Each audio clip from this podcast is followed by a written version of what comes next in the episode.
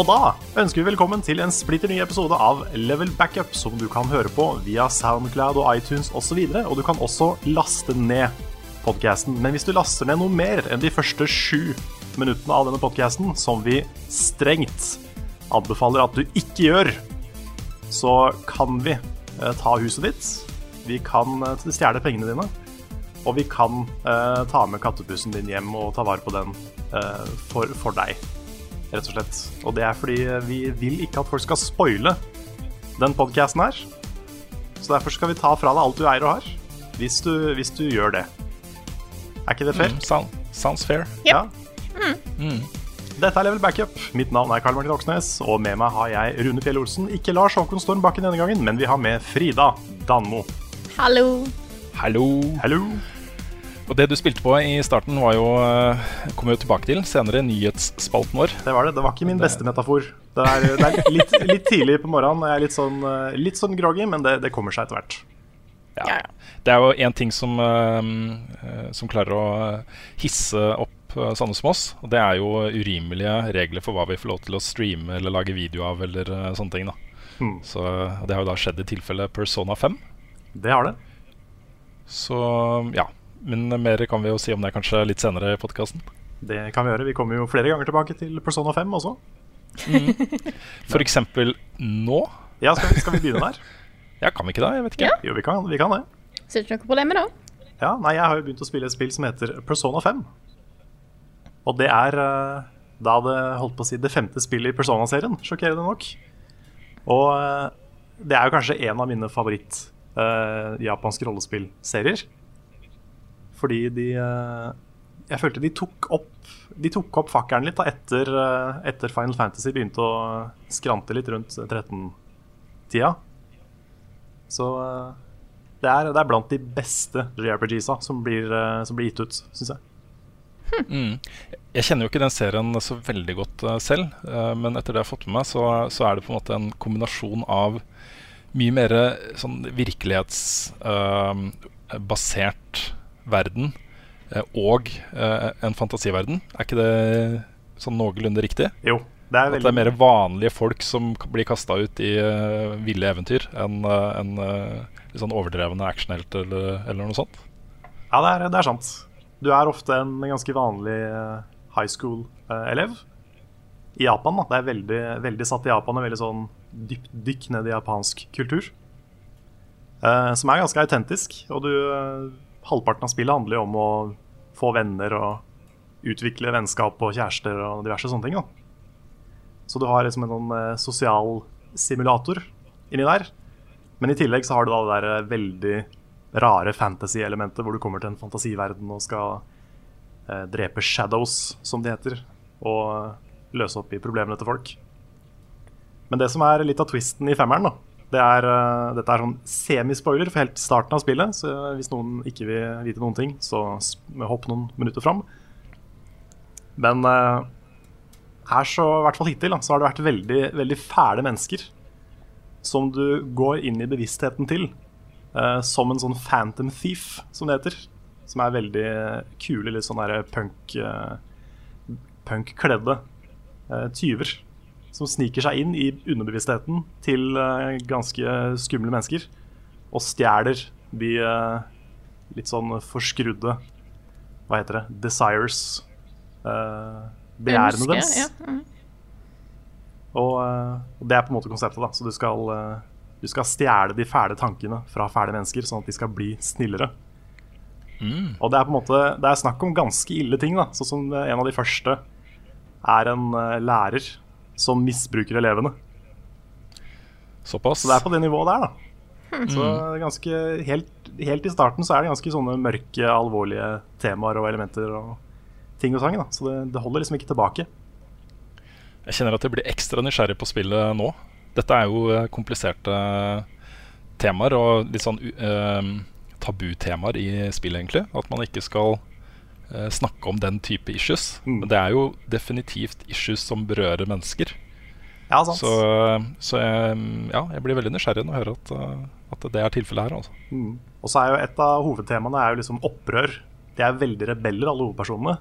Litt sånne outcasts. Og du merker veldig tydelig når du begynner at du er fullstendig uglesett på skolen. At mens du går rundt i gangene, så går folk og baksnakker deg veldig åpent og tydelig. da. Fordi du er en sånn eh, disruptor i eh, samfunnet, som visstnok er eh, Det vet sikkert du, du mer om enn meg, men at det er en ting man ikke skal være i Japan. da. At det handler, Mm. handler mye om at du skal liksom innfinne deg, du skal ikke, skal ikke lage bråk. Du skal ikke stikke deg ut, på en måte.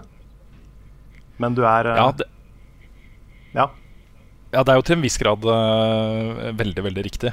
Um, men det er veldig vanlig, eller ikke veldig vanlig, men det er ganske vanlig i Japan at ungdomsårene, fram til man får jobb uh, og sånt, blir brukt til å eksperimentere litt med hvem man er, og uh, utfolde seg litt. da Okay. Mye av det opprøret tar jo liksom litt preg av å bli litt uniforma likevel. At uh, plutselig så er det en hel gjeng som står og kler seg ut som Elvis uh, i Yoyogi-parken, liksom. um, eller en hel gjeng som, uh, som kler seg ut som, som skolepiker. Uh, som Maid-uniformer og. Altså, de, det Mye av det opprøret kanaliseres inn i noe som er veldig uniformt, men det er allikevel ganske akseptert da, at man At man prøver ut litt sånne ting før man må ta på seg den stive dressen eller være hjemme med barna. Mm. Så Ja. Nei, jeg syns det er spesielt femmeren, egentlig, så, så føler jeg veldig at det går inn i japansk kultur, da. Eh, Og tar en del ting veldig, veldig opp. mm, Og alle hovedpersonene er på en måte sånne outcasts som folk ser ned på. Som folk eh, baksnakker og mistenker ting om, da, som ikke er sant. Folk eh, går rundt i gangene og tror at du er en morder, f.eks. Fordi du er, eh, du er en transfer student som eh, har en Altså Det de tror, da, er en skummel kriminell bakgrunn. Nå er det ikke egentlig det som har skjedd, men det trenger jeg ikke å spoile her. Men det, jo, det går rykter om deg da, som gjør at du blir Mm. veldig uh, utestengt. Og da bonder du med andre litt sånn rebelske ungdommer. Så det er et utrolig kult konsept. Og så er det kanskje det stiligste sånn design av spillet jeg har sett. Sånn menyer og uh, interface og alt mulig sånne ting. Det er så kult. Det er kanskje det Mm. tøffeste jeg har sett i et spill. Sånn hvis du Bare sånn design visuelt, liksom. ja, Sanne ting har litt å si. Altså. Jeg husker um, da Seven kom. Uh, så den end credits på den filmen var jo designa av en eh, Hva er det han for noe? David et eller annet. En veldig kjent grafisk designer. Det var første gangen noen lagde en, en sånn veldig tidsriktig, hypermoderne eh, eh, end credits på en film. Okay. Um, Hvor, uh, hvor f.eks. Altså ikke hele altså Vanligvis ruller den én vei, ikke, ikke sant? og det er standard. Men her rulla rulleteksten uh, andre veien. Uh, og det ble gjort masse sanne ting. da uh, Og etter det så ble det jo en sånn bølge. Nå skal jo alle lage kule intro og outro credits og, og sånne ting. Uh, det, jeg husker at jeg satt liksom i kinosalen og så Seven og eh, bet meg ordentlig merke i designet på credits Mm. hvordan de hadde lagt opp. At det var med på å bidra til den følelsen av å ha sett den stort. Ja. Jeg anbefaler folk, an, jeg jeg anbefaler folk å eh, gå på YouTube eller et eller annet og bare se de menyene i bevegelse. Og det høres ut som noe kjempekjedelig, men eh, bare, bare se de, liksom. Det er det kuleste jeg har sett. Også liksom en måten de har lagt opp kampene på. Hvordan du går fra liksom å gå inn i en kamp eh, til kampen til etter kampen. Og alle de der overgangene der. Det er så kult. Det er bare så stilig Mm. å se på. Og det er helt sånn eh, det, det er jo en overfladisk ting, men likevel så er det dritkult, da. Mm. Kyle Cooper heter han designeren som jeg tenkte på. Aha. Han var liksom eh, Jeg gikk jo på litt sånn designkurs og sånn på 90-tallet. Eh, jeg hadde jo egentlig et, et eh, sånn lite ønske i meg om å kanskje bli grafisk designer istedenfor journalist. og han var liksom den store. Mm. Eh, jeg husker jeg kjøpte en bok med hans grafisk design. Oh. Fader, da, da burde du spille Persona 5 nesten bare for det. Altså. Ja, ikke sant? Og så syns jeg er litt funny um, når du beskriver det spillet, så minner det meg veldig om Psychonauts. En Ja, sånn jeg, jeg, jeg har tenkt på det. En veldig litt sånn voksen Psychonauts Mm. med litt, uh, litt mørkere temaer. Ja. For det er jo samme greia. De har jo da muligheten, altså evnen til å gå inn i hodene til, eh, til folk. I hvert fall han ene hovedpersonen kan det. Da Da får de jo på en måte spille verdener som foregår i hodene til uh, andre personer. Mm. Det er ganske stille. Ja, det er, det er samme greiene. Det er, her, er det, her heter det- heter det palaces. Du går inn, i, Mm. inn i palasset til en person, og så er det, da er Palasset er da skapt av liksom de forskrudde tankene deres. Åh, det der er jo Hannibal. han, eh, han I eh, 'Silence of the Lambs', og også boka da, selvfølgelig som den er basert på, så snakker han om det. At eh, han har ikke noe problem med å sitte fengsla, for han har jo sitt palass hvor han har lagra liksom eh, hele operaer og minner og alt mulig rart. Så han, han reiser inn dit og er der, på en måte. Mm.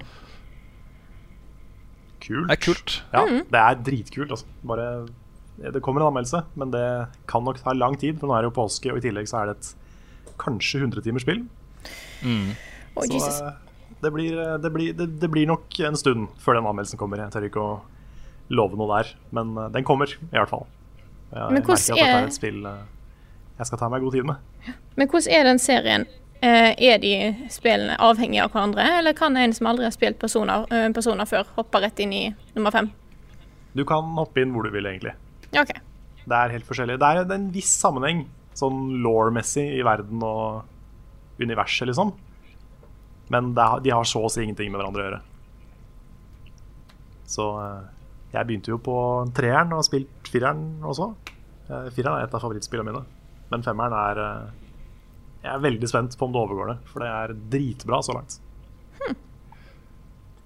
Jeg syns det er litt interessant også det at eh, også nå, eh, nå har de jo Persona 5. eh, for et par uker siden så kom Near Automata. Og det er jo to serier som har vært litt sånn kultfenomener. Persona 5 har jo ikke vært i nærheten av like populært i Vesten som Final Fantasy f.eks. Nei, det er sant. Jeg har liksom en mistanke nå om at, eh, at eh, en ganske stor gruppe av, eh, av spillinteresserte har blitt nysgjerrige på litt mer sånn utvida eh, bibliotek da, av spill. At kanskje den type spill kan gjøre det bedre nå i tiden framover i Vesten. Jeg vet ikke om det er noe i det, men, men det virker som om eh, spillinteressen har blitt litt utvida. Mm. Jeg så at Near Automata runda én million solgte eksemplarer på to uker. Oi. Og det er jo liksom Ja. Mye mer enn en han har solgt i Vesten noen gang, tror jeg. Så Ja, det er bra. ja, det er kult. mm. Ja, skal vi uh, gi ordet til Frida? det syns jeg. Ja. Eh, jeg kan være så kjedelig å si at jeg har nesten ikke spilt noe ting den neste siste uka. Jeg har eh, fortsatt litt på Selda, gjort litt ting der som jeg ikke har eh, fått fullført, tatt litt eh, sidequest og litt sånne ting. Men ellers så har jeg eh, Det er litt mye skoleting som må fikses før påske. Det begynner å nærme seg eh, at mange rapporter som skal inn, så jeg har nesten kun gjort det. Men jeg kan jo si at for to uker siden, snart, nei, en og en halv uke siden, så spilte jeg eh, Splatoon 2 Testfiren. Ja, det det- Den, mm. eh, og da kommer det en video på. Den er snart ferdig. Det har tatt litt tid, eh, for rett og slett fordi jeg har hatt det så travelt. Men jeg har nå prøvd det. Eh, ja. Hva syns du om det? Splatoon er jo alltid gøy. Det er jo en Altså, jeg spilte jo det første spillet en del. Og toen er jo Det er jo bra, men det er jo veldig, veldig likt. Jeg klarer ikke egentlig å se noe forskjell mellom Splatoon 1 og 2, utenom at det var noen nye maps og et par nye våpen. Så jeg føler, jeg føler Nintendo har en jobb å gjøre der, for at jeg skal kunne ha et spill til lansering som er litt mer enn bare en slags update til det første spillet. Mm. Jeg, jeg husker liksom ikke så mye fra da jeg spilte det første. Men jeg også tenkte det da jeg spilte, den, da jeg spilte toeren på, på Bergsala. At det var Det føltes som Splatoon 1 med et par nye våpen. Ja, for det er litt eh, der jeg er nå, eh, egentlig. Sånn at eh, jeg hadde det jo gøy, og det, er jo, det føles jo kjempebra på Switch, fordi det er jo samme eh, samme styringsmetode som i det første spillet, med at der styrte jeg med gamepaden, men her kan jeg bare styre med en kontroller, da, som er veldig greit. Men eh, det er Det er ikke så mye nytt nå, da. Det er det ikke. Jeg tror nok Nintendo har uh, tenkt ganske mye på akkurat det der. Ja. Fordi eh, jeg mener jo at det er ingen tvil om at uh, Switch trenger Splatoon. At det er innmari fint at Splatoon kommer til Switch. Det er et type spill som eh, som er veldig unikt for Nintendo, og som eh, kan være med på å liksom, etablere Switch. Eh, men når de kaller det Splatoon 2, så ligger det en viss forventning i at her skal det være en betydelig oppgradering fra det første spillet. Um, jeg vet ikke om det var lurt å rett og slett bare si at dette er liksom en oppfølger med alt det man forventer av en oppfølger. Eller å på en måte lage dette er Switch-versjonen av Splatoon. Ja, det er akkurat da, da som er litt sånn skummelt. Jeg skjønner at de har lyst til å fortsette med den eh, oppskrifta de fant, da, fordi at Splatoon 1 slo jo veldig godt an. Det er jo mange som eh, det er mange som fortsatt holder på å spille det fast, og de har eh, hatt litt turneringer og sånne ting. Og det, en, det var et bra spill, men eh, det er litt skummelt å si at de skal lage Splatoon 2. For da har en som du sier, en del forventning til hva faktisk som skal være der. Og, så jeg er Mm. litt spent. Jeg er ikke, jeg er ikke helt uh, negativ ennå. Eh, så jeg, dette, har jo, det var jo bare en liten testferie med to maps og fire våpen du kunne velge. Det var liksom ikke så mye du fikk testa, da. Så jeg, eh, jeg er spent på å se hva Nintendo får til, og hva som kommer når sommeren nærmer seg. altså. Mm. Det blir jo sikkert en ny story mode og litt nye, nye maps og modes og sånne ting, så det kan hende det får nok i seg til å være en eh, god oppfølger. Ja, og så hører jeg snakk om at det skal være en eh, local multiplayer på det. Sånn ordentlig ordentlig ja, local multiplayer. Og da tror jeg kanskje er det lureste Nintendo eh, har gjort med den serien der, altså. Ja, det er smart. Det er jo en, det har blitt en Nintendo-ting, nesten. Så for Ja. andre som uh, satser på sofa-coop. Mm. Ja, vi så jo det også i de første videoene som de slapp av konseptet, også hvordan de så for seg at folk skulle spille Switch. Og en av de scenene i den aller første videoen var jo en gjeng, da, åtte stykker som satt rundt et bord med hver sin uh, gamepad og håndkontroller kobla til og spilte Splatoon og Mario Kart. Ja.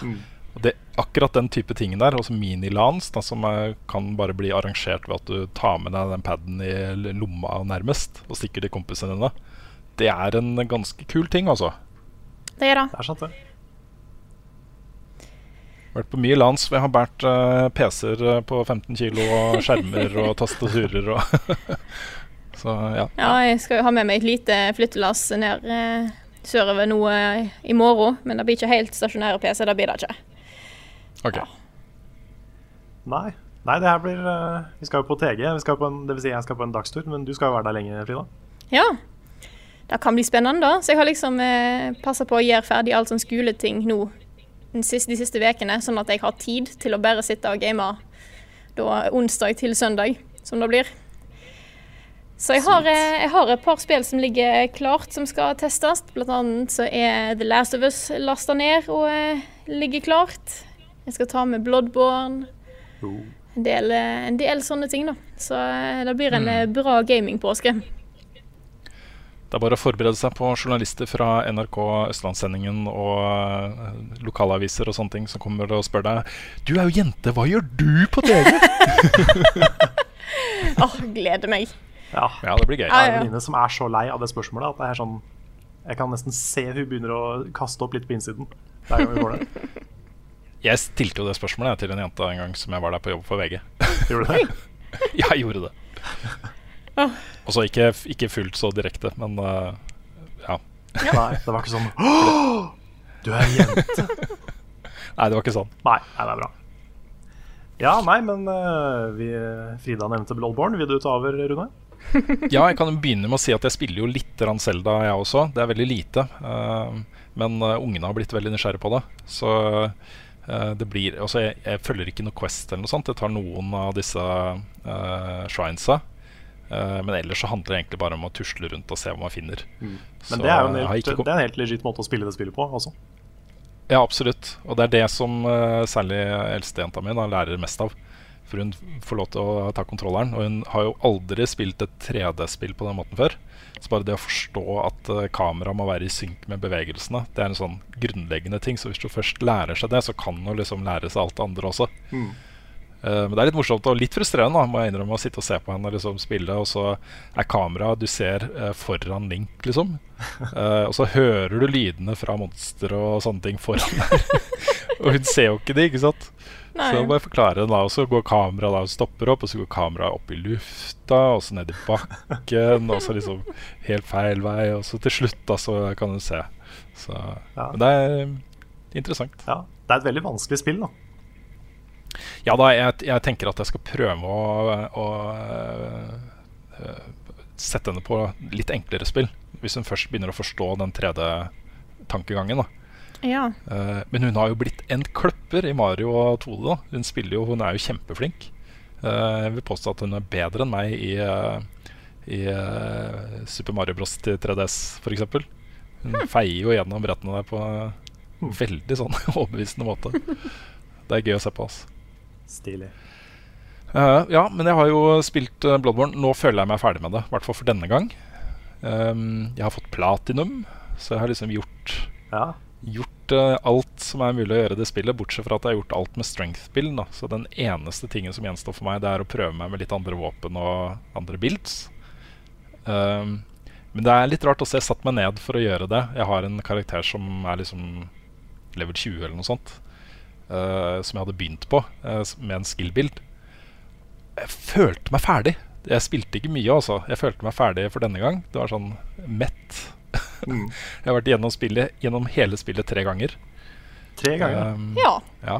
Wow. Så har spilt i 150 timer eller noe sånt. Så, ja. uh, så det, det skulle vel kanskje egentlig bare mangle. At, uh, ja. Nei, vel gjennomført film i tull, syns jeg, Rune. Ja, rakkeren, altså. For et spill. Det går rett inn på topp tre uh, for meg også. Ah. Ja, OK. I hvert fall topp fem.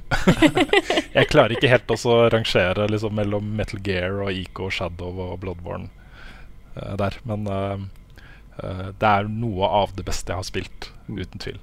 Det er, det er gøy. Altså. Det er første gang jeg har kommet med en anbefaling til deg som har slått så an. Mm. Ja, det er det, interessant det er å se hvor mye du liksom har embracet dette spillet. Ja, det, bare det å gå inn i en sånn, uh, sånn ting som jeg hadde kvia meg ganske mye for å gjøre, uh, og som jeg var veldig usikker på om jeg hadde liksom ferdigheter nok til å håndtere, og tålmodighet nok til å håndtere, og så fikse det Det er liksom Det skal godt gjøres å overgå det der, altså. Mm. Mm. Akkurat den der greia med det å, altså den, den, gleden man føler av å overvinne utfordringer i spill, den får man jo hele tiden i alle spill.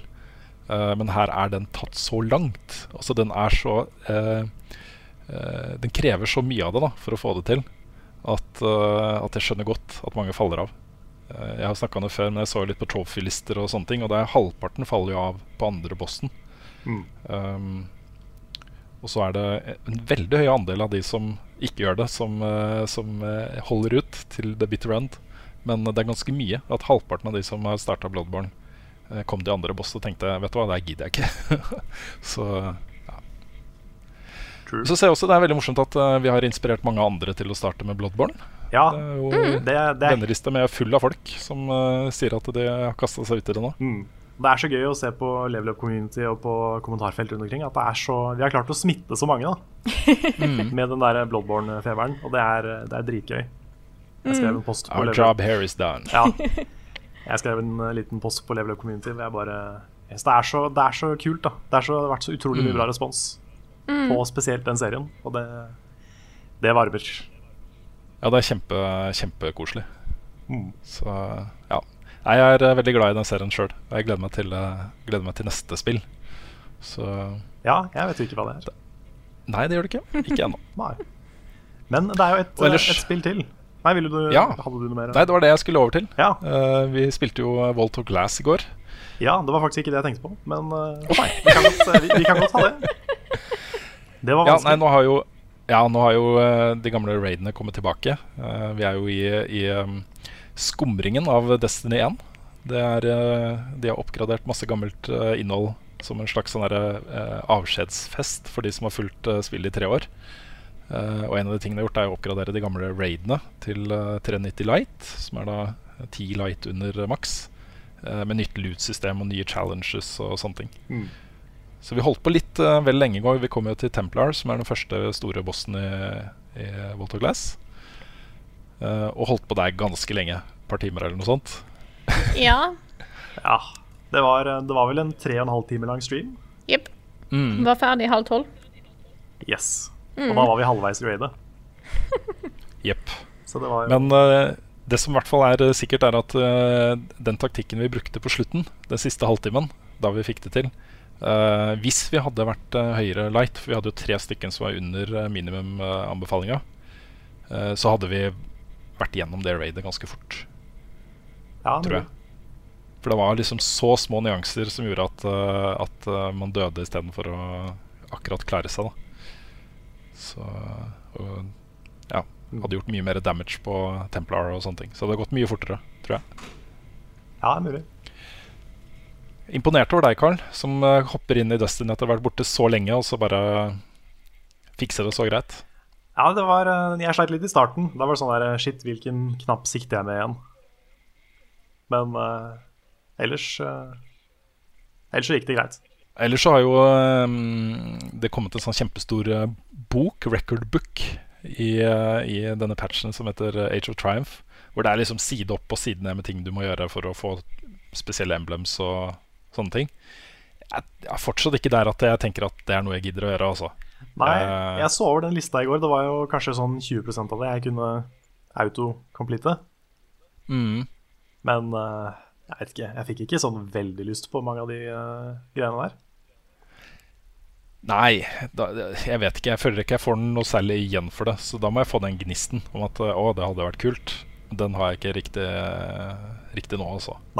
Så, så vi får se. Jeg gleder meg til Destiny 2. Ja, Men uh, det, det, blir spennende. Jeg syns litt synd mm. på de på streamen i går som ikke hadde spilt Destiny og bare Ja, jeg fikk en Adept Primary med Elemental og litt sånne ting. Ja. Ja, ja. ja, vi satt der, eh, meg inkludert oss, ikke helt skjønte alt som foregikk. Men eh, dere var flinke til å forklare ting etter hvert, så vi, vi kom inn i det og hjalp hverandre litt i chatten til å få med oss alt. Så det, ja. det gikk bra. Mm. Det er ikke så lett å skille på oracles og baller og bobler og diverse. og veldig mye baller og veldig mye bobler og veldig sånn, sånne ting, da. Så mm. Men jeg syns det var innmari gøy. Det var kjempemorsomt å være tilbake der og spille det på en måte som jeg aldri hadde spilt det før. Så mange ganger som vi har tatt uh, Water Glass, og så bare gjøre noe helt nytt der. Mm. Det syns jeg var uh, kjempemorsomt. Så jeg gleder meg til å gjøre det igjen. Også. Det, det, er vel kanskje det eneste som jeg er skikkelig gira på. Det er jo å spille Walter Glass og Crota Raidet. Yes. Yes, det var meg. Ellers så, så, spiller jeg mye rart om dagen som jeg ikke kan snakke så mye om. Fordi jeg sitter i juryen til en spillpris. Um, og da er vi liksom i forberedende arbeid der. Uh, det er deadline for det i påsken. Så innen påsken så må jeg liksom komme meg gjennom en god del forskjellige greier. Um, hmm. Ja. ja. Spennende. Så det var meg. Ja. Eh, jeg kan jo ta opp et siste spill, fordi uh, litt sånn i anledning at Frida er her. Fordi jeg ble ferdig med Night in the Woods nå i starten av forrige uke. Ja. Og det Det skal på lista mi i år, kjenner jeg. det ble jeg veldig, veldig glad i. Det er så kjekt å høre at det er flere som eh, Altså, det er alltid gøy å høre at flere liker et spill som jeg har jeg, Som jeg fikk et så sterkt forhold til, da. Mm. Eh, for jeg, jeg, føler det er så få som har spilt det, og da syns jeg er litt trist. Ja, det er det. Og så merker jeg at jo flere dager som går, jo mer glad blir jeg i det. Mm. På en måte. At det, det har liksom Ja, det vokser eh, nå som det er noen dager siden jeg spilte det. Da. Så bare, har det bare blitt bedre og bedre i huet mitt. Det synker liksom litt inn. Det var mm. jo da jeg eh, sa litt i anmeldelsen at jeg måtte ta noen dager bare for å gå igjennom alt. Og bare la det la det vokse, da. La det synke inn, alt som hadde hele, vel, hele det spillet der, da. Ja. Mm. ja, det er litt sånn Det er et veldig godt tegn. Ja. Mm. Litt sånn usminka Life is Strange, på en måte. At det er, det er enda mer sånn rått og ærlig, da. Det er så seriøst og mm. virkelig. Det er ja. fascinerende. Mm. Og, jeg liker den miksen av tematikk og, og karakterdesign. Ja. ja, sant. Og så er det masse humor, samtidig som spillet er veldig sånn trist på en ganske sånn underliggende dyp måte. da. Mm. Og så tar det en vending etter hvert, som jeg ikke skal spoile, men det, det blir plutselig veldig samfunnsaktuelt også. Yep. Og eh, Nei, i det hele tatt. Det var, det var dritbra. Så det det skal eh, definitivt på min liste i år, kjenner jeg. Og en av, en av favorittscenene mine, det er eh, Jeg vet ikke om du fikk den. Var du på den gravplassen med Bi? Ja, det var jeg. Når de skal liksom De skal se etter et spøkelse, og så bare skal de Åh, ja, så, den, ja. Så ber liksom May Bi om å si noe skummelt, og så begynner Bi å snakke om samfunnet. Den syns jeg er så bra, den scenen. Og så, eh, jeg vet ikke om du fikk den, men har du, var, du på fest med Bay? Eller Bi? Ja, og den også var kjempefin. Den er min favoritt. Det er sånn, Jeg syns at alle skal For at du risikerer jo å miste dette her. Dette er jo scener som er ikke obligatoriske. Det er det som på en måte er det, det verste med spillet. At folk kan spille det uten å oppleve dette her, som for meg er det viktigste i hele spillet. De, blant annet de to scenene der, liksom. Ja. ja, de var så bra. Det er, Ja. det er noen av de også, Bare det hele dialogen i hele spillet egentlig er bare helt perfekt. Altså. Ja. Så eh, varm anbefaling. Night in the Woods. Det står på lista over en, en av spillene som jeg skal ta for meg i påsken. Og bare gå gjennom alle scenene og så mye av dialogen jeg får med meg. Bare Ja. for å ha liksom completa Yes. Jeg spiller det for andre gang med Kristine nå. Vi tenkte jeg skulle prøve, prøve Greg-ruta istedenfor byruta. Ja, det er den jeg òg tenkte jeg skulle ta nå. Og i tillegg så er uh, Die Anywhere Else en awesome sang. Ja! den er herlig.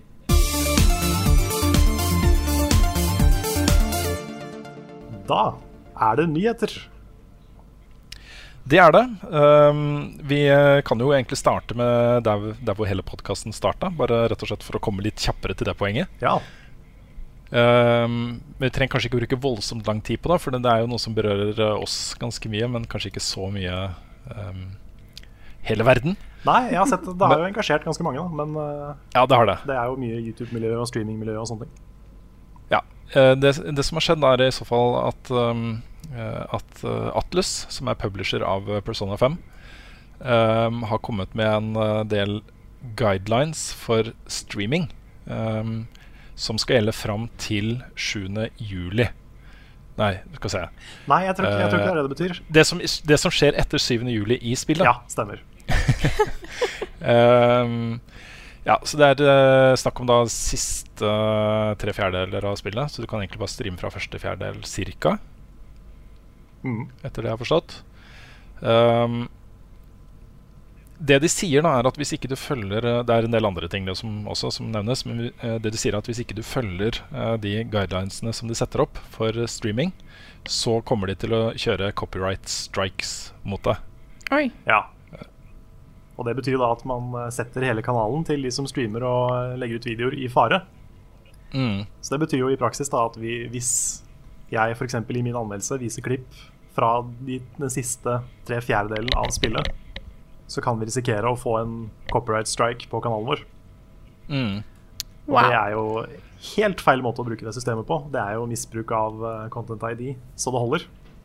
Veldig. Ja da, fordi, fordi hvis eh, de gjør det, så må de gjøre det med alle videoer som er basert på Persona 5. De kan jo i teorien gjøre det, eh, men da er det jo på en måte alt innhold fra spillet er, eh, er det copyright strike på. Ikke bare det de bestemmer skal være det. Alt er jo det samme innholdet, på en måte. Mm. Fra det samme spillet. Ja. Også Men er det å en bare- tidslimit, liksom? Eller er det for alltid? Nei, de, de regner vel med at de løsner på det etter hvert, men likevel. så- Sannsynligvis. Ja. Nei, det, det, jeg vet ikke helt hva jeg Det er denne greia med å selektivt gå etter spesifikke videoer som viser ting de ikke liker, som er skummelt. Mm. For de har jo åpenbart ikke noe problem med streaming av spillet. Det er bare det at de, for å unngå spoilers, så bruker de Content ID-systemet til å ødelegge kanaler. ikke sant? Skal dere ha Jeg skjønner at vi ikke vil ha spoilers, men det får være Ja, for grenser. jeg har reservert rommet. Ja, Forskjellen her fra, Ja. fra det som gjøres her, og andre, andre Endar og, og Ja. Request da, fra publishere, er jo at de Ja. uh, sier rett ut at hvis ikke du følger disse guidelinene, så fuck deg, liksom. um, for det er ikke uvanlig å komme med eh, ønsker om at du skal holde deg under spoiler og sånne ting. Og dette kommer jo da fra um, to ting, og så kan man jo vurdere eh, hvilke av disse tingene som Atlas har vektlagt eh, mest. Den ene tingen er jo eh, det å ta hensyn til et, eh, et team av mennesker som har kokt sammen en historie som de eh, ønsker eh, ikke skal bli spoila for spillerne. At de ønsker at så mye som mulig av spillet skal være hemmelig, da, eller være ukjent for de som spiller spillet. Det, det, handler jo om, om, om uh, sånn kreative uttrykksformer og, og skaperverk og sånne ting. Mm. Men den andre siden her er jo at uh, ok, hvis det sitter en streamer og spiller gjennom hele Persona 5, uh, og du sitter og følger med på den streamen, så tenker de at da kjøper du ikke spillet, for da har de jo sett spillet, og så mister vi de inntektene. Og jeg mistenker jo at uh, det siste er kanskje viktigere for Atlas enn det første. Selv om det er jo kanskje litt slemt da, å, si det. Ja, nei, jeg tror ikke det, tror ikke det er feil. Men uh, jeg tror for det første så tror jeg ikke det stemmer. Fordi Persona er et sånt spill hvor du lager din egen Altså ikke, ikke så mye main story, kanskje, men måten du spiller de spillene på, har veldig mye å si for hvordan spillet blir. Mm. Så akkurat den Hvis det er grunnen deres, så kjøper jeg ikke den grunnen. Fordi det er en veldig personalisert eh, opplevelse. ja. Så. Jeg, jeg, tror det er feil, da, hvis det er det dere tenker. Altså, det er jo uh, veldig mange som mener at, at uh, den type eksponering da, av bra innhold, om det er uh, film eller musikk eller spill eller hva som helst, genererer salg. Og så gjør folk nysgjerrige på spill og når flere mennesker enn det ville normalt sett ha gjort. Uh, så, så jeg vet ikke, jeg også. Det er det er åpenbart mange som uh, foretrekker uh, i mange tilfeller å se noen andre spille et spill enn å spille det selv. Sånn har jo virkeligheten blitt. Uh, men samtidig så tror jeg at et, særlig et spill som Persona 5 og Nier Automata og ting som er veldig bra, men som kanskje ikke har den samme type tyngden da, i, ute blant folk, vil kunne tjene godt av å bli eksponert på den måten. Og vil kunne gjøre folk nysgjerrige på det og få det til å faktisk gå ut og kjøpe det fordi de har lyst til å spille det selv. Mm. Så egentlig så er på en måte nesten alt av den type streaming eh, og videoer av spill eh, eh, potensielt veldig god markedsføring for et spill. Mm. Og så er det litt den verden vi lever i nå. Det er vanskelig å stå imot det. Mm. det er, eh, streaming og YouTube har blitt såpass stort at det, det er en ting som fins. Mm. Så jeg vet liksom ikke helt uh, Hvis du skal begynne å kjøre selektive takedowns på videoer du ikke liker, så, så er det starten på noe, potensielt, uh, noe som potensielt kan uh, eksplodere i trynet på deg, tror jeg. Det tror jeg også. Så det er jo uh, kanskje ikke verdens beste måte å håndtere det på. Nei, det får jo folk litt mot deg. Og det som de risikerer nå, er jo en slags sånn boikottaksjon fra folk som er dritforbanna. ja, jeg ser, folk har begynt å, jeg ser folk har begynt å poste spoilere overalt også, som hevn. Og det er ikke en veldig produktiv måte å gjøre det på. Å oh, nei, da er ikke lurt. Jeg, jeg fikk spoila noe dritt for meg, så det var jeg ikke så veldig glad for. Oh. Ja, da jeg var inne på en sånn uh, Twitter-tråd, plutselig så var det sånn uh, OK, ja, dette høres jo veldig ut som en spoiler. Kanskje jeg har lyst til å spille en gang. Nå har jeg glemt hva det var, så det var ikke stor fare. Men jeg hoppa ut av den tråden med en gang. ja. Nei, det er, det er kjipt når sånt skjer. Det ødelegger liksom for alle. Mm. Greit. Vi kan gå videre til uh, et annet uh, uh, litt semikontroversielt tema. nemlig Yuka Leili. Ah. Som jo er laget av en gjeng gamle Rare-folk. De som lagde da Banjo Kazooie og, og sånt i gode gamle dager. Um, det er jo på en måte et spill veldig inspirert av det, Banjo Kazooie. Mm. Um, det var en kjempestor kickstarter-suksess, og det har jo helt siden uh, den kickstarteren ble lansert, vært en sånn fan-favorite. Et uh, spill som folk har veldig varme følelser for og uh, gleder seg til og håper skal bli bra, av alle disse tingene. Og så viser det seg at mottagelsen er jo ekstremt blanda. Du har liksom hele spekteret fra Jim Sterlings to av ti til uh, ni av ti.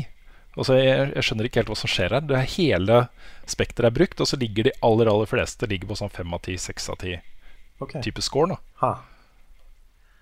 Og den hadde jeg ikke helt sett komme. altså Nei, det hadde ikke jeg heller. Jeg har sett så mange veldig positive previews av det. Mm.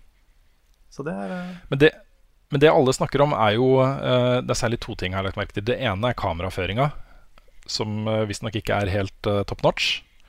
Uh, og det andre er uh, Disse banene er visst designa på en litt spesiell måte. Hvor første gang du spiller de, så, så, er de ganske korte. Og så kan du låse opp en lengre, mer avansert versjon av disse banene og brettene uh, senere. Det er mulig at jeg har misforstått, men det er i hvert fall sånn jeg har forstått det. Um, den første tingen uh, blir patcha til lansering, sier de. Det skal komme en patch, day one-patch, som skal gjøre kameraet mye bedre. Så det kan jo hende at, uh, at denne veldig blanda mottakelsen er liksom midlertidig. Da. Jeg vet ikke. Ja, nei, det, det, er litt skuffende å høre. Jeg skal definitivt spille det sjøl og gjøre opp min egen mening om det. Mm. Det er ikke et spill jeg kommer til å miste, selv om det har fått uh, blanda kritikk. Um, jeg vet ikke om jeg rekker å anmelde det sånn samtidig som jeg sitter med Persona, men uh, Det kan kanskje bli vanskelig. Jeg skal prøve, jeg kan se om, om jeg får rukket å spilt i påsken. Jeg er ikke 100 sikker på om jeg klarer det, men uh, jeg skal prøve. Ja. Eventuelt så er det sikkert flere i relasjon som er interessert. Hvis, det vil jeg tro. Mm. Men ja, det skal definitivt spilles. Jeg kommer sikkert til å komme med en, eh, en mening i podkasten etter hvert. ja, ikke sant. Uh, men vi kan jo gå videre til en ganske lignende sak. Uh, og det er en sak som opprører meg litt mer, kanskje. Okay. Uh, og det er Mass Effect, som jo har fått også en veldig blanda mottakelse. hvor mange kritiserer animasjoner, dialoger. det er en NPC som har fått veldig kritikk for å være transgenderfiendtlig. ja, det hørte jeg om at det var det var måten den, den figuren er skrevet på, er ja. veldig mot sin hensikt. Da. Det var et forsøk på å representere transpersoner, mm. men så ble det håndtert veldig feil. Ja, ikke sant. Det som, er, det som jeg syns er interessant og opprørende her, er jo at BioWare har jo vært veldig aktive eh, mot communityet sitt og sagt slapp av, folkens, dette, vi skal fikse alt dette her. Det kommer masse patcher, og spillet eh, skal bli mye bedre etter hvert. Uh, og da blir jo da tilbakekommentaren som jeg har sett gå igjen, liksom. Så jeg har kasta bort 70 timer på å spille det spillet nå. Jeg burde ha venta til sommeren, liksom, når dere har fått uh, lagt ut noen patcher og sånne ting. Dette er jo basically et Early Access-spill, ikke sant? Så, på måten de beskriver det på. da ja, jeg ser den. Jeg blir litt provosert av det. altså. Jeg ser den. Det er jo veldig, På én side så er det veldig bra at de tar tak i det og patcher det. Men mm. det burde jo ikke blitt gitt ut i den formen det var. Nei, i hvert fall ikke hvis de åpent går ut og sier at dette her kunne vi gjort bedre, og vi beklager og vi skal fikse det, og det kommer patcher hele tiden og slapp av, liksom. Mm. Så hadde det bare vært for at ikke de var flinke nok til å lage det bedre, så hadde det vært en litt annen sak, på en måte. Ja, sant. Jeg vil tippe kanskje at dette er et spill som uh, Dette her tar jeg rett ut av ræva, men jeg tipper uh, kanskje at EA har vært inne der og pusha litt på dem for å få det ut. Ja, klassisk sånn datoen er satt, vi må få det ut av. Ja, mistenker det, altså. Mm. De har jo også sagt at de har outsourca animasjonene oh, ja. til noen andre. Altså ansiktsanimasjonene er det ikke de som har lagd, det er noen, et annet selskap, sier de, da. Så yes. Ja. Da holdt på å si ville jeg bedt om pengene tilbake. ja, det er nesten på grensen til det, altså. Ja, altså ikke, ikke som kunde, mener jeg, men altså de, Bioware. Ja, sånn, ja.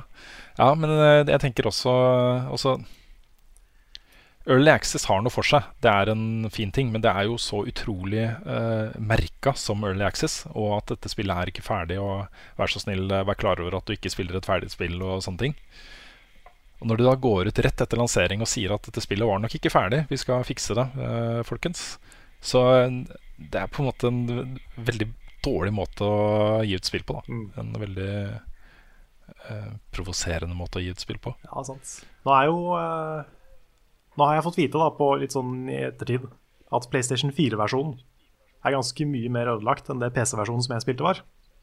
Okay. For jeg, jeg, har jo ikke så store problemer med Andromeda. Jeg syns jo ansiktsanimasjonene var rare. Men jeg mhm. opplevde jo nesten ikke bugs.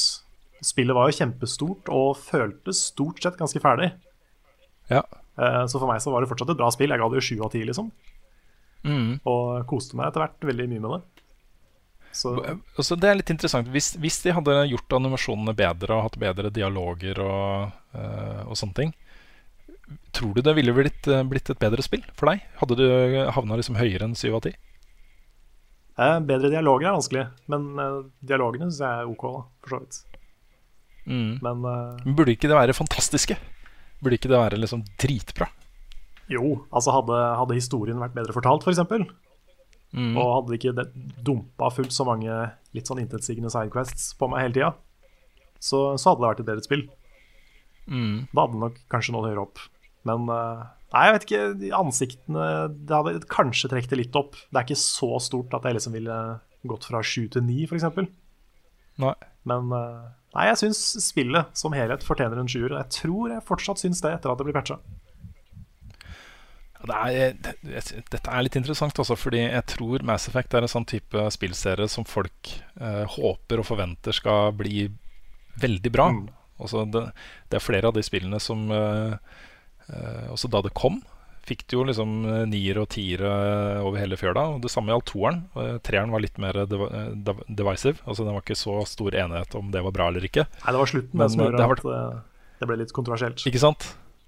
Men det har jo vært en serie som folk har holdt veldig veldig høyt, da og regner som klassikere liksom, innenfor rollespillsjangeren. Mm.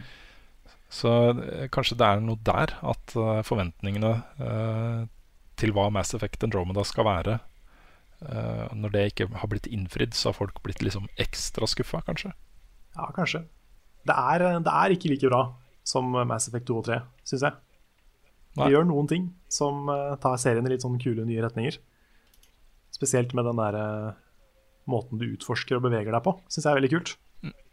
Mm. Men uh, spillet som helhet syns jeg ikke er like bra. Altså. Det, er, det er bra, men det er ikke like bra som eh, Mass Effect 2, da, som er på en måte kroneksempelet på et konge-Mass Effect-spill. Mm. Men uh, jeg har fortsatt troa. da. Jeg tror at hvis, uh, hvis Mass Effect 5 kommer og fortsetter på det Andromeda starta, da, Mm. så uh, det er, ikke, det er langt, fra, langt fra ferdig. Mm. Det er fullt mulig å gjøre dette her kjempekult. Tøft. Det er fortsatt et spill jeg har lyst til å spille, men nå skal jeg i hvert fall vente på patchene. så, eh, Ja, gjør det. Hvis ikke du har begynt på Mass Ja. Effect ennå, så vent på patchen. Det kommer vel en, eh, det kommer vel en i går for dere som hører på, hvis dere hører på når, når podcasten kommer. Det var den Mm. første store patchen eh, torsdag. Mm. Så kan det hende det går an å hoppe inn allerede nå, hvis noen er på gjerdet.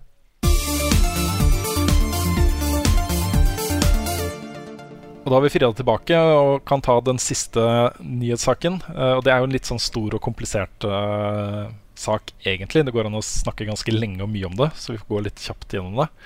Uh, og det handler jo om Steam, uh, Valve sin, sin spilltjeneste, som jo har fått masse kritikk etter hvert som den har blitt større og større. Så blir jo folk mer og mer kritiske til eh, hvordan den er bygd opp. Og det det handler om, er rett og slett at eh, dårlige spill og også scam-forsøk og sånne ting eh, får for mye plass.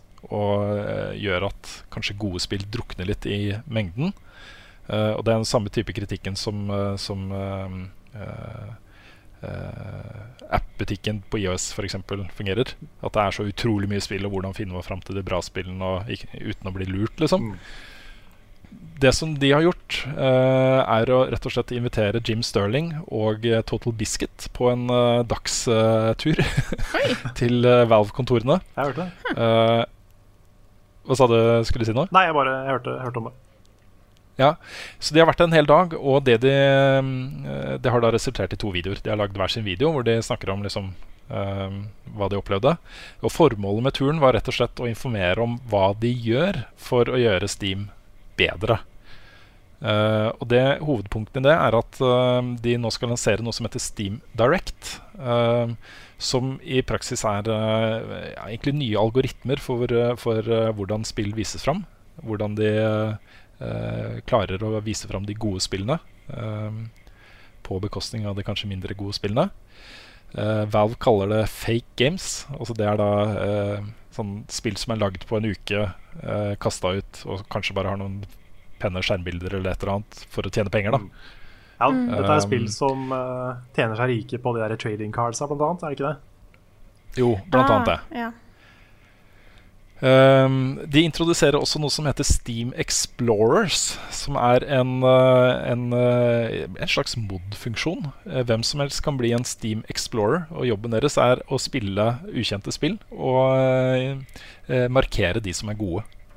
Sånn at Hvis det er nok av de folkene som, som reiser rundt i Steam-biblioteket for å spille ukjente spill, og markerer de som er gode, så vil, vil de kunne få en sjanse da, rett og slett i det nye, eh, i den nye algoritmen til Steam. Ja. Um, ellers så får også det kuratorsystemet til Steam en overhaling. Um, du kan legge inn embedded videoer, topp 10-lister, uh, og sortere spillene uh, litt mer sånn som du vil, da. Så ja. Så da har du på en måte Den ene er algoritmen, og den andre er uh, da personer du stoler på, som, som kan anbefale spill. Ja. Riktig. Det, er jo, det høres ut som et uh, smart system på papiret. Ja, på papiret så er det smart. Uh, de har nok uansett et problem, i og med at det er så utrolig mange spill der. Så det å på en måte uh, lage et system for et så stort bibliotek av spill er ikke lett uansett. Og det vil være cracks her. Det vil være spill som klarer å omgå reglene, og det vil være tilfeller hvor noen klarer å utnytte Explorer-funksjonen eller et eller annet. Ja. Men uh, som, som, en start på noe, så, så, er det veldig bra. Dette er jo en av de virkelig store utfordringene i et, uh, et veldig veldig spennende spillmarked, hvor uh, det kan komme fantastiske, helt ukjente spill fra små team som ingen har hørt om, og bli dritsvære. Mm. Det er én ting da, som jeg håper Steam tenker på. og det er det at det fins jo en, en viss subkultur av gamere som er veldig sinte på enkelte typer spill. Og da håper jeg det er vanskelig for dem å bare gå inn og masseflagge et spill som et fake game fordi de ikke liker det. Mm. Akkurat den Explorer-funksjonen er avhengig av at veldig mange bra folk velger å være det. Mm. Det er fullstendig avhengig av akkurat det. Det må være mulig å kicke Explorers også, hvis de viser uh, oppførsel som er uh, suspicious, vil jeg tro. Ja, det håper jeg. Det er alltid litt skummelt med sånn uh, brukermoderering. Mm. Så jeg håper, jeg håper, det er vanskelig da, å misbruke de, de verktøyene der. Mm. Ellers, så, ellers så er det vanskelig å finne Gone Home, sannsynligvis. Ja, hei sant. Ikke sant? Det er litt morsomt på det thumbnail-bildet til uh, Jim Sterling. På den videoen så er da Dora the Explorer med. Ja.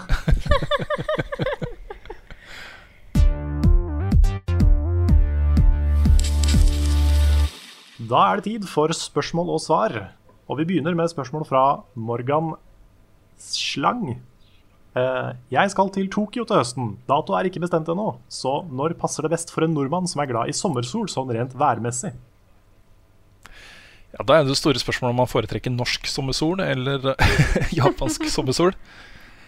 Vi, eh, vi, var jo i Japan i fjor eh, sommer, og det er tropisk, altså. Det er det var veldig veldig, veldig ubehagelig uh, noen av de dagene. Særlig vi reiste litt sørover, til uh, Shikoku, som er en tropisk øy, rett og slett. Oi. Hvor, hvor kona mi har litt familie. Ja. Det, det, var det, var helt Det var så varmt. Det var så varmt. Og høy luftfuktighet og alt mulig rart. Ordentlig ubehagelig. Man kunne nesten ikke være ute. Uh, det var litt bedre i Tokyo. Vi var, hadde flaks fordi det regna litt, så det ble liksom litt uh, bedre luft. da Det var ikke fullt så ille, men det var også ganske varmt der. Så midt på sommeren må du være forberedt på at det er kjempevarmt i Japan. Uh, så jeg foretrekker sen vår og tidlig høst. slutten av august, begynnelsen av september er kjempefint. men også sånn slutten av mai, begynnelsen av juni. Også veldig, veldig fint. Ja. Så det er egentlig mine, mine Japan-tips. Hvis du ikke er så veldig glad i altfor varmt vær, så er det ganske bra. Bra tips. Mm. Ja, skal vi se. Um, vi har fått et spørsmål her fra Kristoffer uh, Risanger på Patron. Han lurte på om noen av oss uh, spilte Place de 72 timene det varte. Uh, og regner dere det som et spillkonsept i det hele tatt? Og dette var jo da et konsept på Reddit hvor uh, man, uh, hvem som helst, uh, bare du var Reddit-bruker, hvem som helst kunne gå inn og legge til én piksel på et stort bilde. Mm.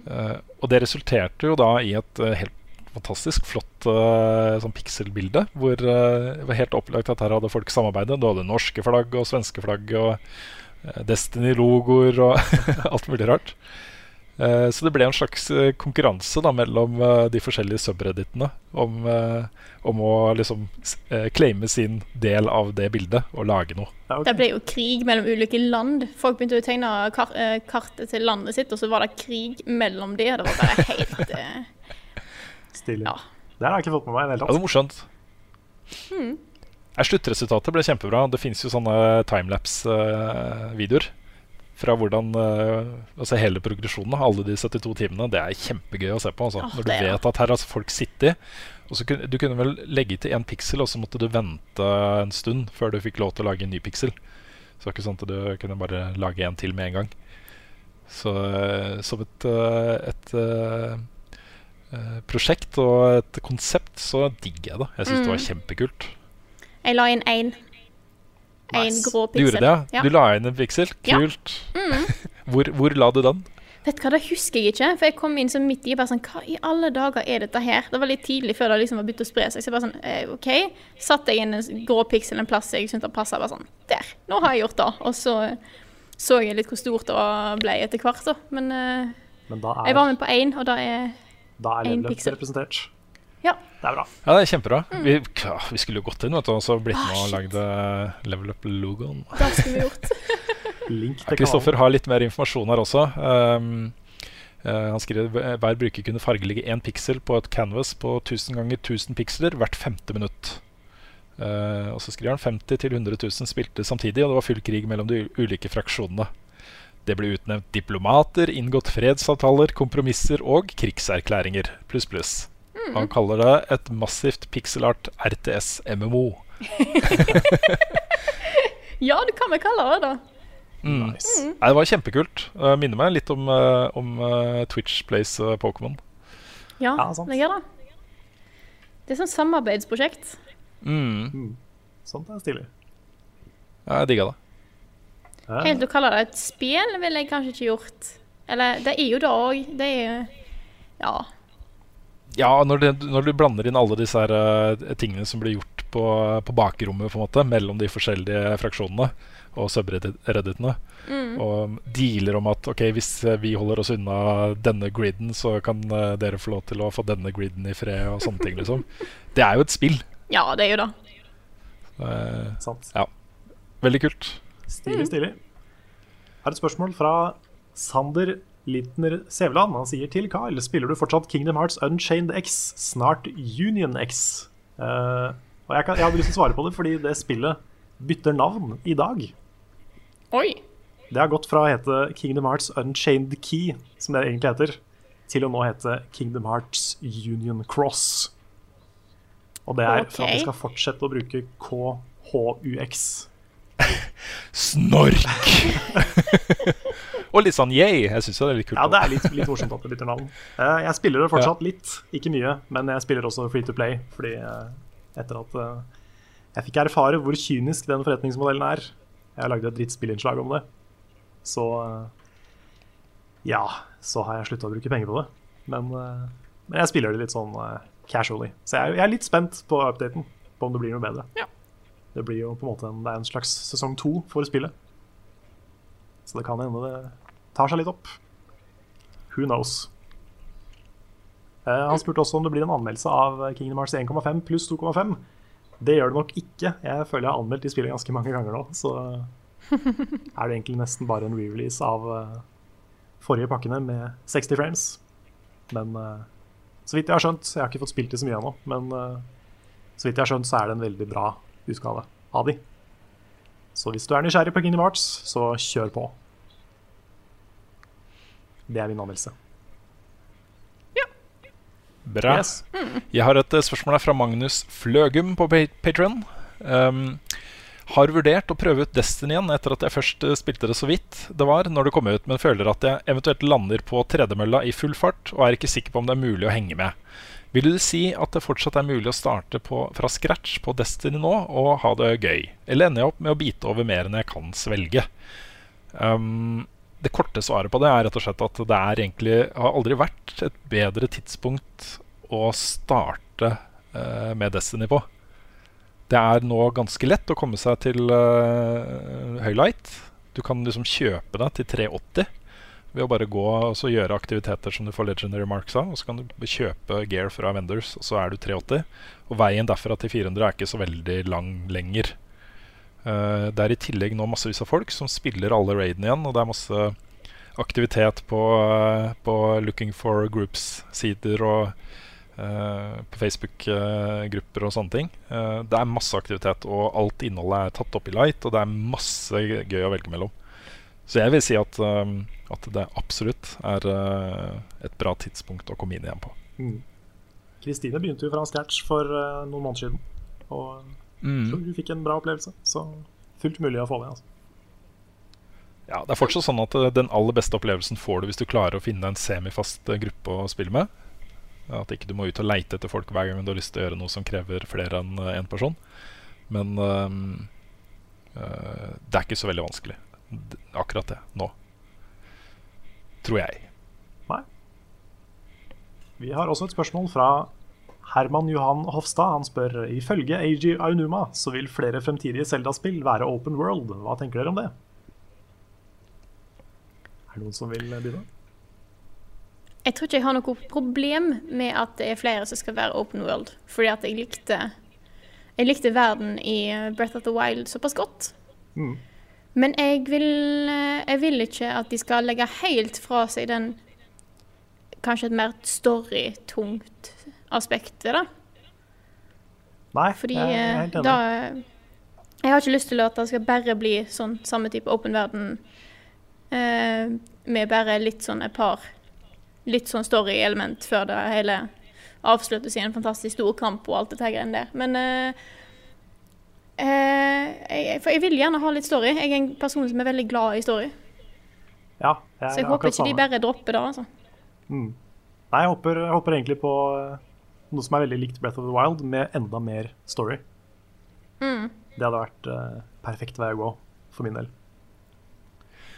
Jeg tror liksom uh, det, jeg egentlig håper for Zelda-serien, er at de fortsetter å eksperimentere. Og fortsetter å prøve å liksom uh, At det, det de henter ut av Breath of the Wild, først og fremst er eh, hvor mye suksess de kan ha med å rett og slett prøve noe nytt. Eh, at de får litt selvtillit på den. At det går an å gjøre ting med en veldig veldig tungt etablert serie som, eh, som spillerne elsker. Eh, og Det betyr ikke nødvendigvis at nå skal vi bare la lage open world-spill, for det elska spillerne, men at de kanskje uh, fortsetter med å eksperimentere. Det hadde vært kult. For eksempel da, så tror jeg en ting som, uh, som jeg hadde likt å se i Breath of the Wild, er um, For det er mye kul story der. Eh, mye kule sekvenser og, og sånt. Uh, hvis man hadde en option om å liksom bare bli leda ned den veien, den som gir deg storyen og som leder deg inn mot uh, Ganon og alt det der, liksom, så kunne det vært kult for noen. At de får en litt mer sånn uh, em, fokusert historieopplevelse enn en, enn at du må uh, oppdage historien på egen hånd. da. Mm. Mm. Og så kanskje ha litt mer story rundt disse tingene som faktisk er main quest. da. Jeg mm. skulle gjerne hatt enda mer bakgrunnsstory og alt dette her rundt eh, de fire champions og alt dette her. Jeg følte det var litt sånn gå til en by, snakke med noen folk og ta Divine Beast. Jeg skulle gjerne hatt enda mer story rundt de byene, byene og eh, karakterene der. Det er litt sånn tosida sverd dette her også, fordi eh, på den ene siden så det at eh, også når du er opptatt av å gjøre masse sidequests og pusle rundt med ting og trene opp hester og fiske og lage eh, matretter og alt dette her, liksom, så bryr du deg ikke så veldig mye om, om eh, hva som egentlig skjer eh, sånn overbyggende i denne verden. At du skal redde verden fra, on fra ondskap og sånne ting. Eh, men samtidig så får du en veldig tilknytning til de stedene du er på. Altså, du får en veldig sånn tilstedeværelse som betyr masse. Eh, og hva skal man liksom legge mest vekt på? Er det er det, uh, det du skal gjøre i denne verden? Altså formålet uh, til Link i denne verden? Eller er det liksom din personlige opplevelse av å være i denne verden? Mm. Mm. Jeg syns det fungerte veldig bra for Breath of the Wild, det de gjorde. Helt enig. Um, men uh, ja, nei, jeg, jeg har lyst på en større mainquest i neste spill. Hvis det, hvis det blir uh, i samme gate. Jeg har jo, det har jeg jo sagt i mange år, men jeg, jeg kunne jo ønske meg å se Nintendo gjøre noe radikalt med Zelda-serien. Ja, jeg syns de gjorde det nå. eh, Jo da, men eh, det er jo fortsatt veldig gjenkjennelig Zelda. Eh, hva om de hadde lagd en sci-fi Zelda eller en altså. Modern World Zelda eller kvinnelig hovedperson? Mm. Det var jo, Ja. det var jo uh, concept art for en Modern World Zelda. Ja, nettopp. Helt i starten av utviklinga. Så jeg tror de har, de har vært inne på det. Mm. Jeg vet ikke om de tør. Det er det som er mitt spørsmål. Så derfor jeg tenker at ok, nå gjorde de noe ganske nytt med Breath of the Wild. Kanskje det gjør at de tør å eksperimentere enda mer neste gang. Mm. Maybe, maybe. For når de vet hva de holder på med, så eh, blir det ofte et fantastisk resultat. Når de våger å ta noen eh, kalkulerte risikoer. Absolutt. Ja. Har, eh, har du et spørsmål, eller skal jeg ta neste? Jeg kan ta et her fra Iver Rye. Um, han spør det, det å sette karakterer på spill, uh, særlig om man, man er usikker på om man skal gi en eh, toppkarakter eller ikke, kan være vanskelig. Uh, hva som skal vektlegges mest, er også en utfordring og vil alltid bli vurdert ulikt av forskjellige anmeldere. Spørsmålet mitt er hvordan vurderer dere kravene for 10 av 10 for små, f.eks. indiespill, kontra store Triple A-spill? Har dere andre krav til små spill enn det dere har til de store spillene? Jeg føler det har kommet så mange bra små, hvis du kan kalle det små, uh, indiespill. Eh, Mm. At jeg føler ikke at de har liksom Ja, siden det er et indiespill, så, så har jeg lavere krav. Jeg merker er at jeg tenker lite over, liksom, over sånne ting, men jeg føler at det er veldig mange indiespill som kanskje tør å gi litt sære ting. da. At du kanskje får litt Mm. kule opplevelser der. Ja, Det er et godt poeng. Hvis man spiller veldig mye spill, så tror jeg kanskje at man setter enda litt større pris på det når noen uh, med hell prøver, prøver nye ting. Og skiller seg ut og gjør uh, ting som de ikke har sett før, og, og sånne ting. Uh, og i større grad så er det jo de mindre indiespillene som tør å gjøre det. Fordi det er ikke så mange fokusgrupper og sånne ting involvert i utviklingen. da Men samtidig så er det også sånn at uh, hvis man um, Altså Vi er jo ikke en type anmeldere som sitter og ser på grafikken og gir det en score, og lydbilde og gir det en score. Og uh, vi, vi ser ikke på spill på en sånn litt sånn striks måte. Det er én ting som er viktig, og det er den følelsen vi sitter igjen med etter å ha spilt spillet. Og um, der føler jeg ikke at det er så veldig stor forskjell på småspill og store spill. Eh, Nei, jeg er enig. Mm. Jeg får ikke noe, altså, har fått- Night in the Woods gir ikke noe mindre impact på meg, selv om det er et lite indiespill med enkel 2D-grafikk, liksom. mm. Det er et Ja, Samme kan sies for eh, Undertale, liksom. Mm. Ja, det er blitt mitt favorittspill, liksom. Selv om det er eh, Selv om det er ikke 8-bit, men uh, tilnærma. Ja. Mm.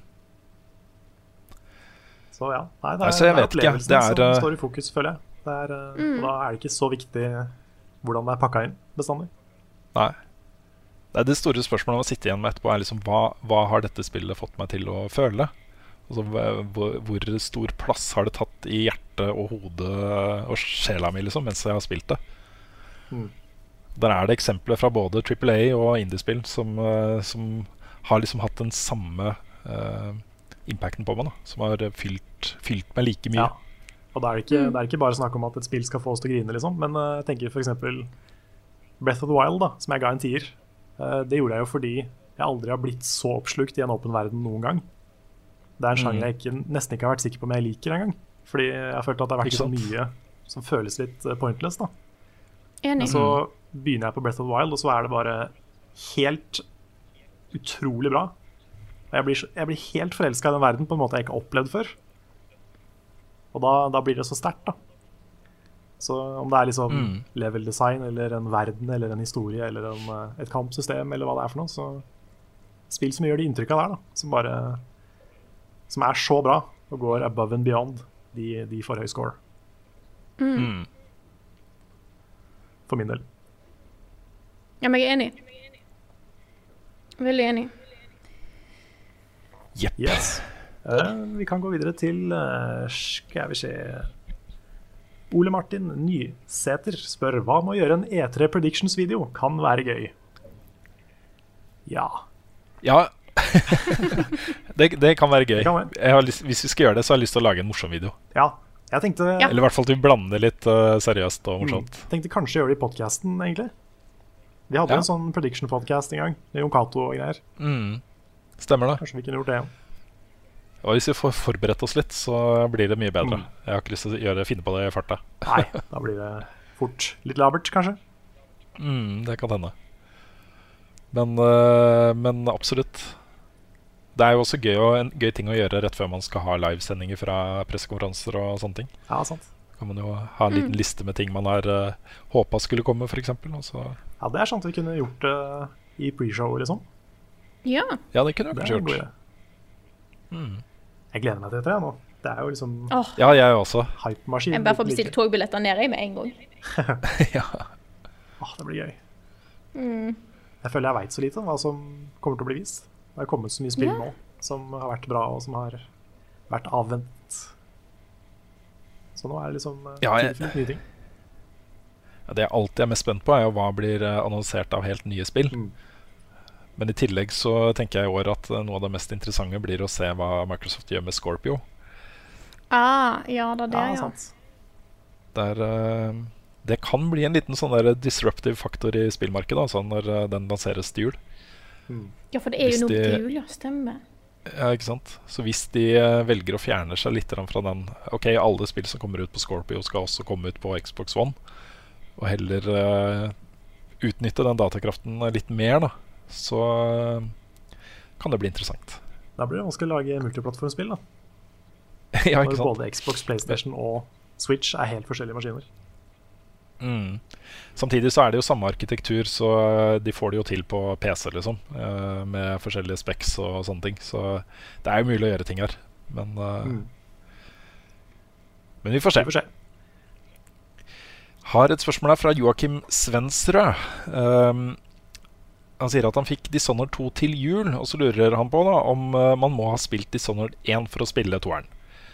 Eh, da vil jeg først få si at det nå har kommet en, eh, en gratis prøveversjon av Dishonored 2. Den er ute på alle plattformer, både PC, og PS4 og Xbox One. Hvor du får spille de tre første uh, brettene um, helt fritt. Det er ingen begrensninger der. Det er alt som er liksom tilgjengelig i uh, fullversjonen av spillet vil være tilgjengelig for deg der også. Eh, og så vil du da kunne velge å betale en sum og låse opp resten av spillet. Og da vil du bare fortsette med samme karakter og den progresjonen du har. da. Jeg syns det er en veldig kul måte å få folk inn i spillet på. Det er, uh, gir deg god anledning til å teste det skikkelig. Mm. Uh, og så er det jo sånn at uh, det er jo en direkte fortsettelse med de samme rollefigurene. Og du får nok mer ut av historien i Dishonored 2 hvis du kjenner til historien i Dishonored 1. Men samtidig så blir jo hele historien i Dishonored 1 gjenfortalt i starten av Dishonored 2. Så um, uh, det er ikke sånn at du mister noe essensielt, føler jeg. Riktig. Men jeg syns også at historien i Dishonored 1 er bedre enn- den var i Dishonored 2.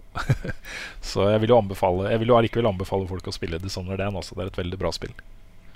Mm. En eh, kandidat til eh, Film i tull-spalten, Carl. Absolutt. absolutt. Mm. Ja, eh, vi har et interessant spørsmål fra Peter Parker her. Veldig hyggelig at vi får spørsmål fra selveste, Selveste Peter Parker. Oi, oi, oi. Ja. Big fan. Mm, og med great power comes great responsibility, så jeg håper spørsmålet er bra. Det får vi satse på. Skal vi se her. Er det greit å foretrekke virtuelle verdener fremfor den virkelige hvis man tar vare på helsa og økonomien i virkeligheten? Er det da etisk og rasjonelt ok å ha alle sosiale bånd og opplevelser i spillverdener? Minnene mine fra spillopplevelser med online-venner er like diffuse og virkelige som andre minner. Vi tilfredsstiller bare to av fem sanser, men hjernen oppfatter det ganske likt og er god på å fylle inn resten. Det er et kjempeinteressant spørsmål. Er et spørsmål som kommer til å definere menneskeheten uh, om 30 år, 50 år, et eller annet. Mm. True that. Jeg mener jo prinsipielt at øh, at øhm, øh, de to tingene er ganske sidestilte. Eller at, i hvert fall at de, de kommer til å bli det. Jeg mener det er fullt mulig å ha meningsfylte liv i virtuelle verdener. Kanskje ikke akkurat sånn som det er nå, men i hvert fall sånn som det kommer til å bli. Tror jeg, da. Et filosofisk spørsmål og et uh, sosiologisk spørsmål. Og det er liksom alle, alle retninger blir blanda inn her. er stort spørsmål. Mm, jeg har akkurat lest ferdig Ready Player One nå. og Det er jo det sentrale temaet i det spillet også. Hvor uh, du har Oasis, som er øh, en virtuell verden som 90, øh, 90, over 90 av menneskeheten eh, er medlemmer av. Da. De bor der. De har sine virtuelle personligheter som eksisterer der. Eh, og hvor da veldig, en veldig stor andel av menneskeheten har valgt å flytte dit. på en måte. Eh, det er der de tilbringer mest tid, og det er der de går på skole og har jobber og uh, osv. osv. Mm. Så um, Jeg ser ikke problemet i at det liksom skal være sidestilt. Jeg tenker at det du opplever, så lenge det betyr noe for deg, er det viktigste. Mm. mm. Helt enig. Jeg tror det største problemet der er jo at man eh, Det har jo et visst sånn stigma over seg. Det at man eh, eh, knytter, knytter så tette bånd til en virtuell verden og en, en spillopplevelse, f.eks. Um, så har jeg kjent på den selv noen ganger, at jeg liksom føler meg litt ubehagelig distansert fra virkeligheten noen ganger. da Ikke nå de siste årene, men sånn uh, i 20-årene og sånne ting. Um, men jeg tror det er litt knytta til det stigmaet. At, eh, at det blir sett på som noe uh, litt feil. da Mm. At man uh, Altså opplevelser i virkeligheten er liksom per definisjon bedre enn en virtuelle eh, opplevelser. Ja. Ja, sant. Ja, jeg ser jo stigmaet der, men det er, alt har jo bare med sanseinntrykk og inntrykk å gjøre, egentlig. Så Mm. jeg ser ikke Jeg ser ikke problemet, men jeg skjønner at ikke alle er helt enige. Jeg kjenner sånn For min egen del så skjedde det noe med meg etter at jeg hadde Dette er veldig lenge siden, men jeg hadde min første kjæreste var jo nesten bare over MSN. Fordi hun bodde langt unna. Og etter det så har jeg liksom blitt litt sliten av chatting, da. Det, det jeg fikk liksom Mm. litt nok av å, å ha liksom vennskap og forhold over, uh, over et chatterom eller en eh, discord eller whatever.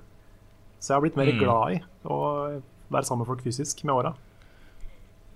Men, uh, samtidig, Men det skjønner jeg. Så, samtidig så er det jo dritgøy å spille sammen og sånne ting. Det syns jeg fortsatt er kjempe, kjempegøy. Men det å ha lange chatsamtaler, det, det har tapt seg litt for meg, kjenner jeg. Jeg er litt enig i det, men det er jo litt den veien det går. da Folk snakker jo i uh, emotes og korte sammen Uh, Altså eh, forkortelser og korte beskjeder og memes og giffer og Ja, sant. Men jeg er jo veldig kommunikasjon. jeg, jeg, er- Ja, jeg er veldig enig. Eh, siden jeg bor så langt vekke, så blir jo mesteparten av min kommunikasjon med dere blir jo over nett. Enten via Discord, sånn som dette her, eller eh, når vi er på stream, eller hva som helst sånt. Men det er jo Mm. ingenting som er kjekkere enn å komme ned og faktisk gjøre noe i lag. Nei da, det er veldig er Det er veldig hyggelig når du kommer på besøk. Det er Men kos. Grunnen til at jeg er litt sånn der filosofisk tilhenger av den uh, tanken om at virtuelle verdener er like viktige som virkeligheten, det er jo den teorien da, eh, om, at, uh, om at det å eh, se for seg at det vi opplever her og nå, alle vi, alle som hører på, vi som lager podkasten osv., kan teoretisk være en simulasjon. Ja. det kan være signaler som er sendt til hjernen vår. Mm. Eh, mens vi egentlig ligger i en eller annen pode et eller annet sted og blir liksom fora intravenøst. eller noe. Altså Det kan være det, fordi det er elektriske impulser og signaler, og hjernen er en datamaskin. Legg deg og tenk på den i natt. og, ikke Ja. sant? Det er, ikke sikkert, jeg- jeg- eh, det er ikke sikkert kroppen vår egentlig finnes i det hele tatt. Det er ikke sikkert at vi ligger i på det. Det kan bare være at vi er en del av en eh, datasimulasjon. Ja. Mm. Kanskje vi er en del av Det er ganske av mange mennesker rundt omkring som tror ja, det. Kanskje vi er en del av ansiktet til eh, Cthulhu uten å vite det. Ja, for eksempel. Eller egentlig så er vi høye på sånn der Jarnum-blod. Ja. Ja! Så er vi i ferd med å Mm. bli monstre any day. Oi, oi, oi. Så er det Great Ones som gir oss uh, fæle tanker og sånne ting. Mm. Ja. Ja, det er jo en som um, Skal vi se Eh, Ja, det er Ayaner på Patreon som lurer på om vi ikke kan snakke litt mer om Bloodborne eller Dark Souls. Det har vært så lite av det i det siste. Det var, eh, jeg merka ikke Ja. noe sarkasme i det der i det hele tatt. Nei da. Eh, jeg, jeg tenker jo at, um, at eh, den fasen av level up eh, nærmer seg, om ikke slutten, så i hvert fall eh, Det blir ikke like mye av det framover. da, vi kan jo legge det litt på hylla framover nå. Ja. Det kan vi absolutt. Det har vært mye, men det er, eh, Det er veldig- det er sjelden vi liksom Det er sjelden vi er så felles gira på noe. Det er derfor det skjer. Ja, ikke sant? Ja da. Uh, og Bloodborne fortjener det. Det fortjener den oppmerksomheten fra oss, uh, selv om det er et gammelt spill.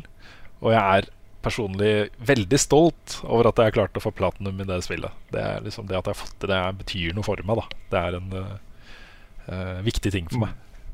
Mm. Ja. Men det er litt sånn jeg tenker det er litt sånn vi er, da. Vi er jo entusiaster samtidig som vi er journalister. Og vi, Mm. vi prater jo om ting vi brenner for. Så derfor så, det er, det er perioder hvor det blir litt mye av et spill, men eh, jeg håper folk, eh, håper folk ser den.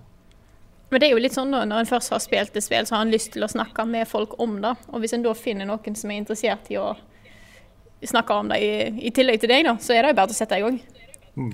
Litt sånn så at jeg var veldig fornøyd med at nå eh, Lars har spilt, nei, Lars, jeg, Carl har spilt ferdig Night in the Woods, sånn at jeg slipper bare å sitte der og være redd for å spoile ting hele tida. Det er fint. Ja, det, er, eh, åh, det var så bra! Ja. So good. Yes, har vi noen flere spørsmål? Jeg har et ja, jeg har et spørsmål her fra ja, men Du må kanskje stikke snart, eh, Frida? Rekke spørsmål til. Det går fint. OK, skal vi se. Da vil jeg først eh, bare ta et kjapt tips uh, fra Herman Johannessen, eh, som lurer på om vi har sett noen av Noclip sine spilldokumentarer på YouTube. Er det noen av dere som har sett det? Ikke Noclip, tror jeg. Nei, hvem er det? Nei, jeg har vært inne på kanalen og eh, så vidt begynt å se. Det er Den siste som ble lagt ut, var, et, eh, var egentlig et langt intervju med uh, Jonathan Blow om The Witness. Ja. Eh, og de ser veldig bra ut. Så jeg tar dette som et, et spark i ræva til oss om å få sett dem, og et tips til lytterne våre uh, om at Noclip har noen lange og flotte dokumentarer om spill på YouTube. Det er egentlig mange, veldig mange bra YouTube-kanaler der ute som jeg har lyst til å shout-oute. Vi får ta det en annen gang. Mm. Og så bare en kjapp eh, ting til. Eh, Otto Knopp har spurt om eh, Skriver at Blizzard har kjørt store oppgraderinger på alle deres spill den siste uka. Har noen av dere prøvd ut noen av disse spillene etter disse oppgraderingene? Uh, og Der vil jeg bare nevne kjapt at uh, jeg vet i hvert fall Svendsen uh, fikk tilgang til Necromancer-oppdateringa til Diablo 3. Ja, Oh. Så får vi se om det blir noe, eh, noe ut av det. Stilig. Greit. Er det noen av dere som har noe bra siste spørsmål på Facebook? Har egentlig Jeg har ikke opp opp en spørsmål, jeg. Jeg har ikke oppe spørsmål engang, jeg. Så det Ok. Hvis du har et siste, så kan vi ta det. Eller så kan vi runde av. Uh, skal vi se Eh, ja, jeg tenkte vi kanskje kunne ta noe om pizza, siden jeg, brukte et sånt uh, bilde. Det har vært en stor diskusjon på Level Up Community om uh, ananas på pizza. Ja, riktig. Ja. Jeg så det var mye pizza. Uh, I to runder. Så jeg la da ut et bilde av en pizza som det egentlig bare var ananas på. Eh, i, i, samme, um, sammen med da posten om at vi ønska spørsmål til podkasten. Så det er mange som har spurt oss om det. Men ja, vi kanskje Det var vel jeg som starta med den der pollen under Level Up-streamen forrige uke. Ja, ikke sant? Ja, det var meg. Det er skummelt. Veldig bra. Nei, Vi snakka om det på en stream, var det ikke det? Også Jo, ble det- når dere kjøpte bare- pizza. Ja, Ja. stemmer. Er For da ble det en 50-50. Halvparten eh, med ananas, halvparten uten. Skal vi Mhm. avsløre hvem som hadde med ananas? Oi, Det var this guy. This guy. det var Rune, gitt. Jepp. Men uh, Nå, går det, nå er vi to mot én på ananas, og da vinner vi. Ja, det er veldig bra. Ja. dere må huske det at før, før man går ut i krig om ananas, så er det viktig å bare slappe av litt og ta seg en Pepsi. Det har jeg hørt at løser alle problemer, Ja, uansett hvor alvorlige, så er Pepsi. Ja. Ja. Godt sagt, godt sagt. En god avslutning, Carl. Takk, takk. Eh, Proft, altså. Ja, ikke sant. Skikkelig proft. Men da, Mm. da gjenstår det vel egentlig bare å takke alle sammen for at de har hørt på. Veldig, veldig stor takk til Frida som hadde tid til å være med i dag. Bare hyggelig. Beklager mine litt sånn inn og ut av podkasten-tendenser i dag, men eh, Det er lov. Forhåpentligvis er det ingen av de som hører på, som har merka noe til det allikevel. nei. Det er the magic of editing. Heldigvis. Uh -huh. Men ja, også ikke minst hjertelig tusen takk til alle dere som er på Patreon og backer oss med et månedlig beløp der. Det setter vi voldsomt pris på. Og så avslutter vi med ukas spillsitat. My heart is Nei, vent, da. My heart is a dankness, but when I see you, I feel a thankness. When I feel a blueness, all I need is a ewness. It's about my horse.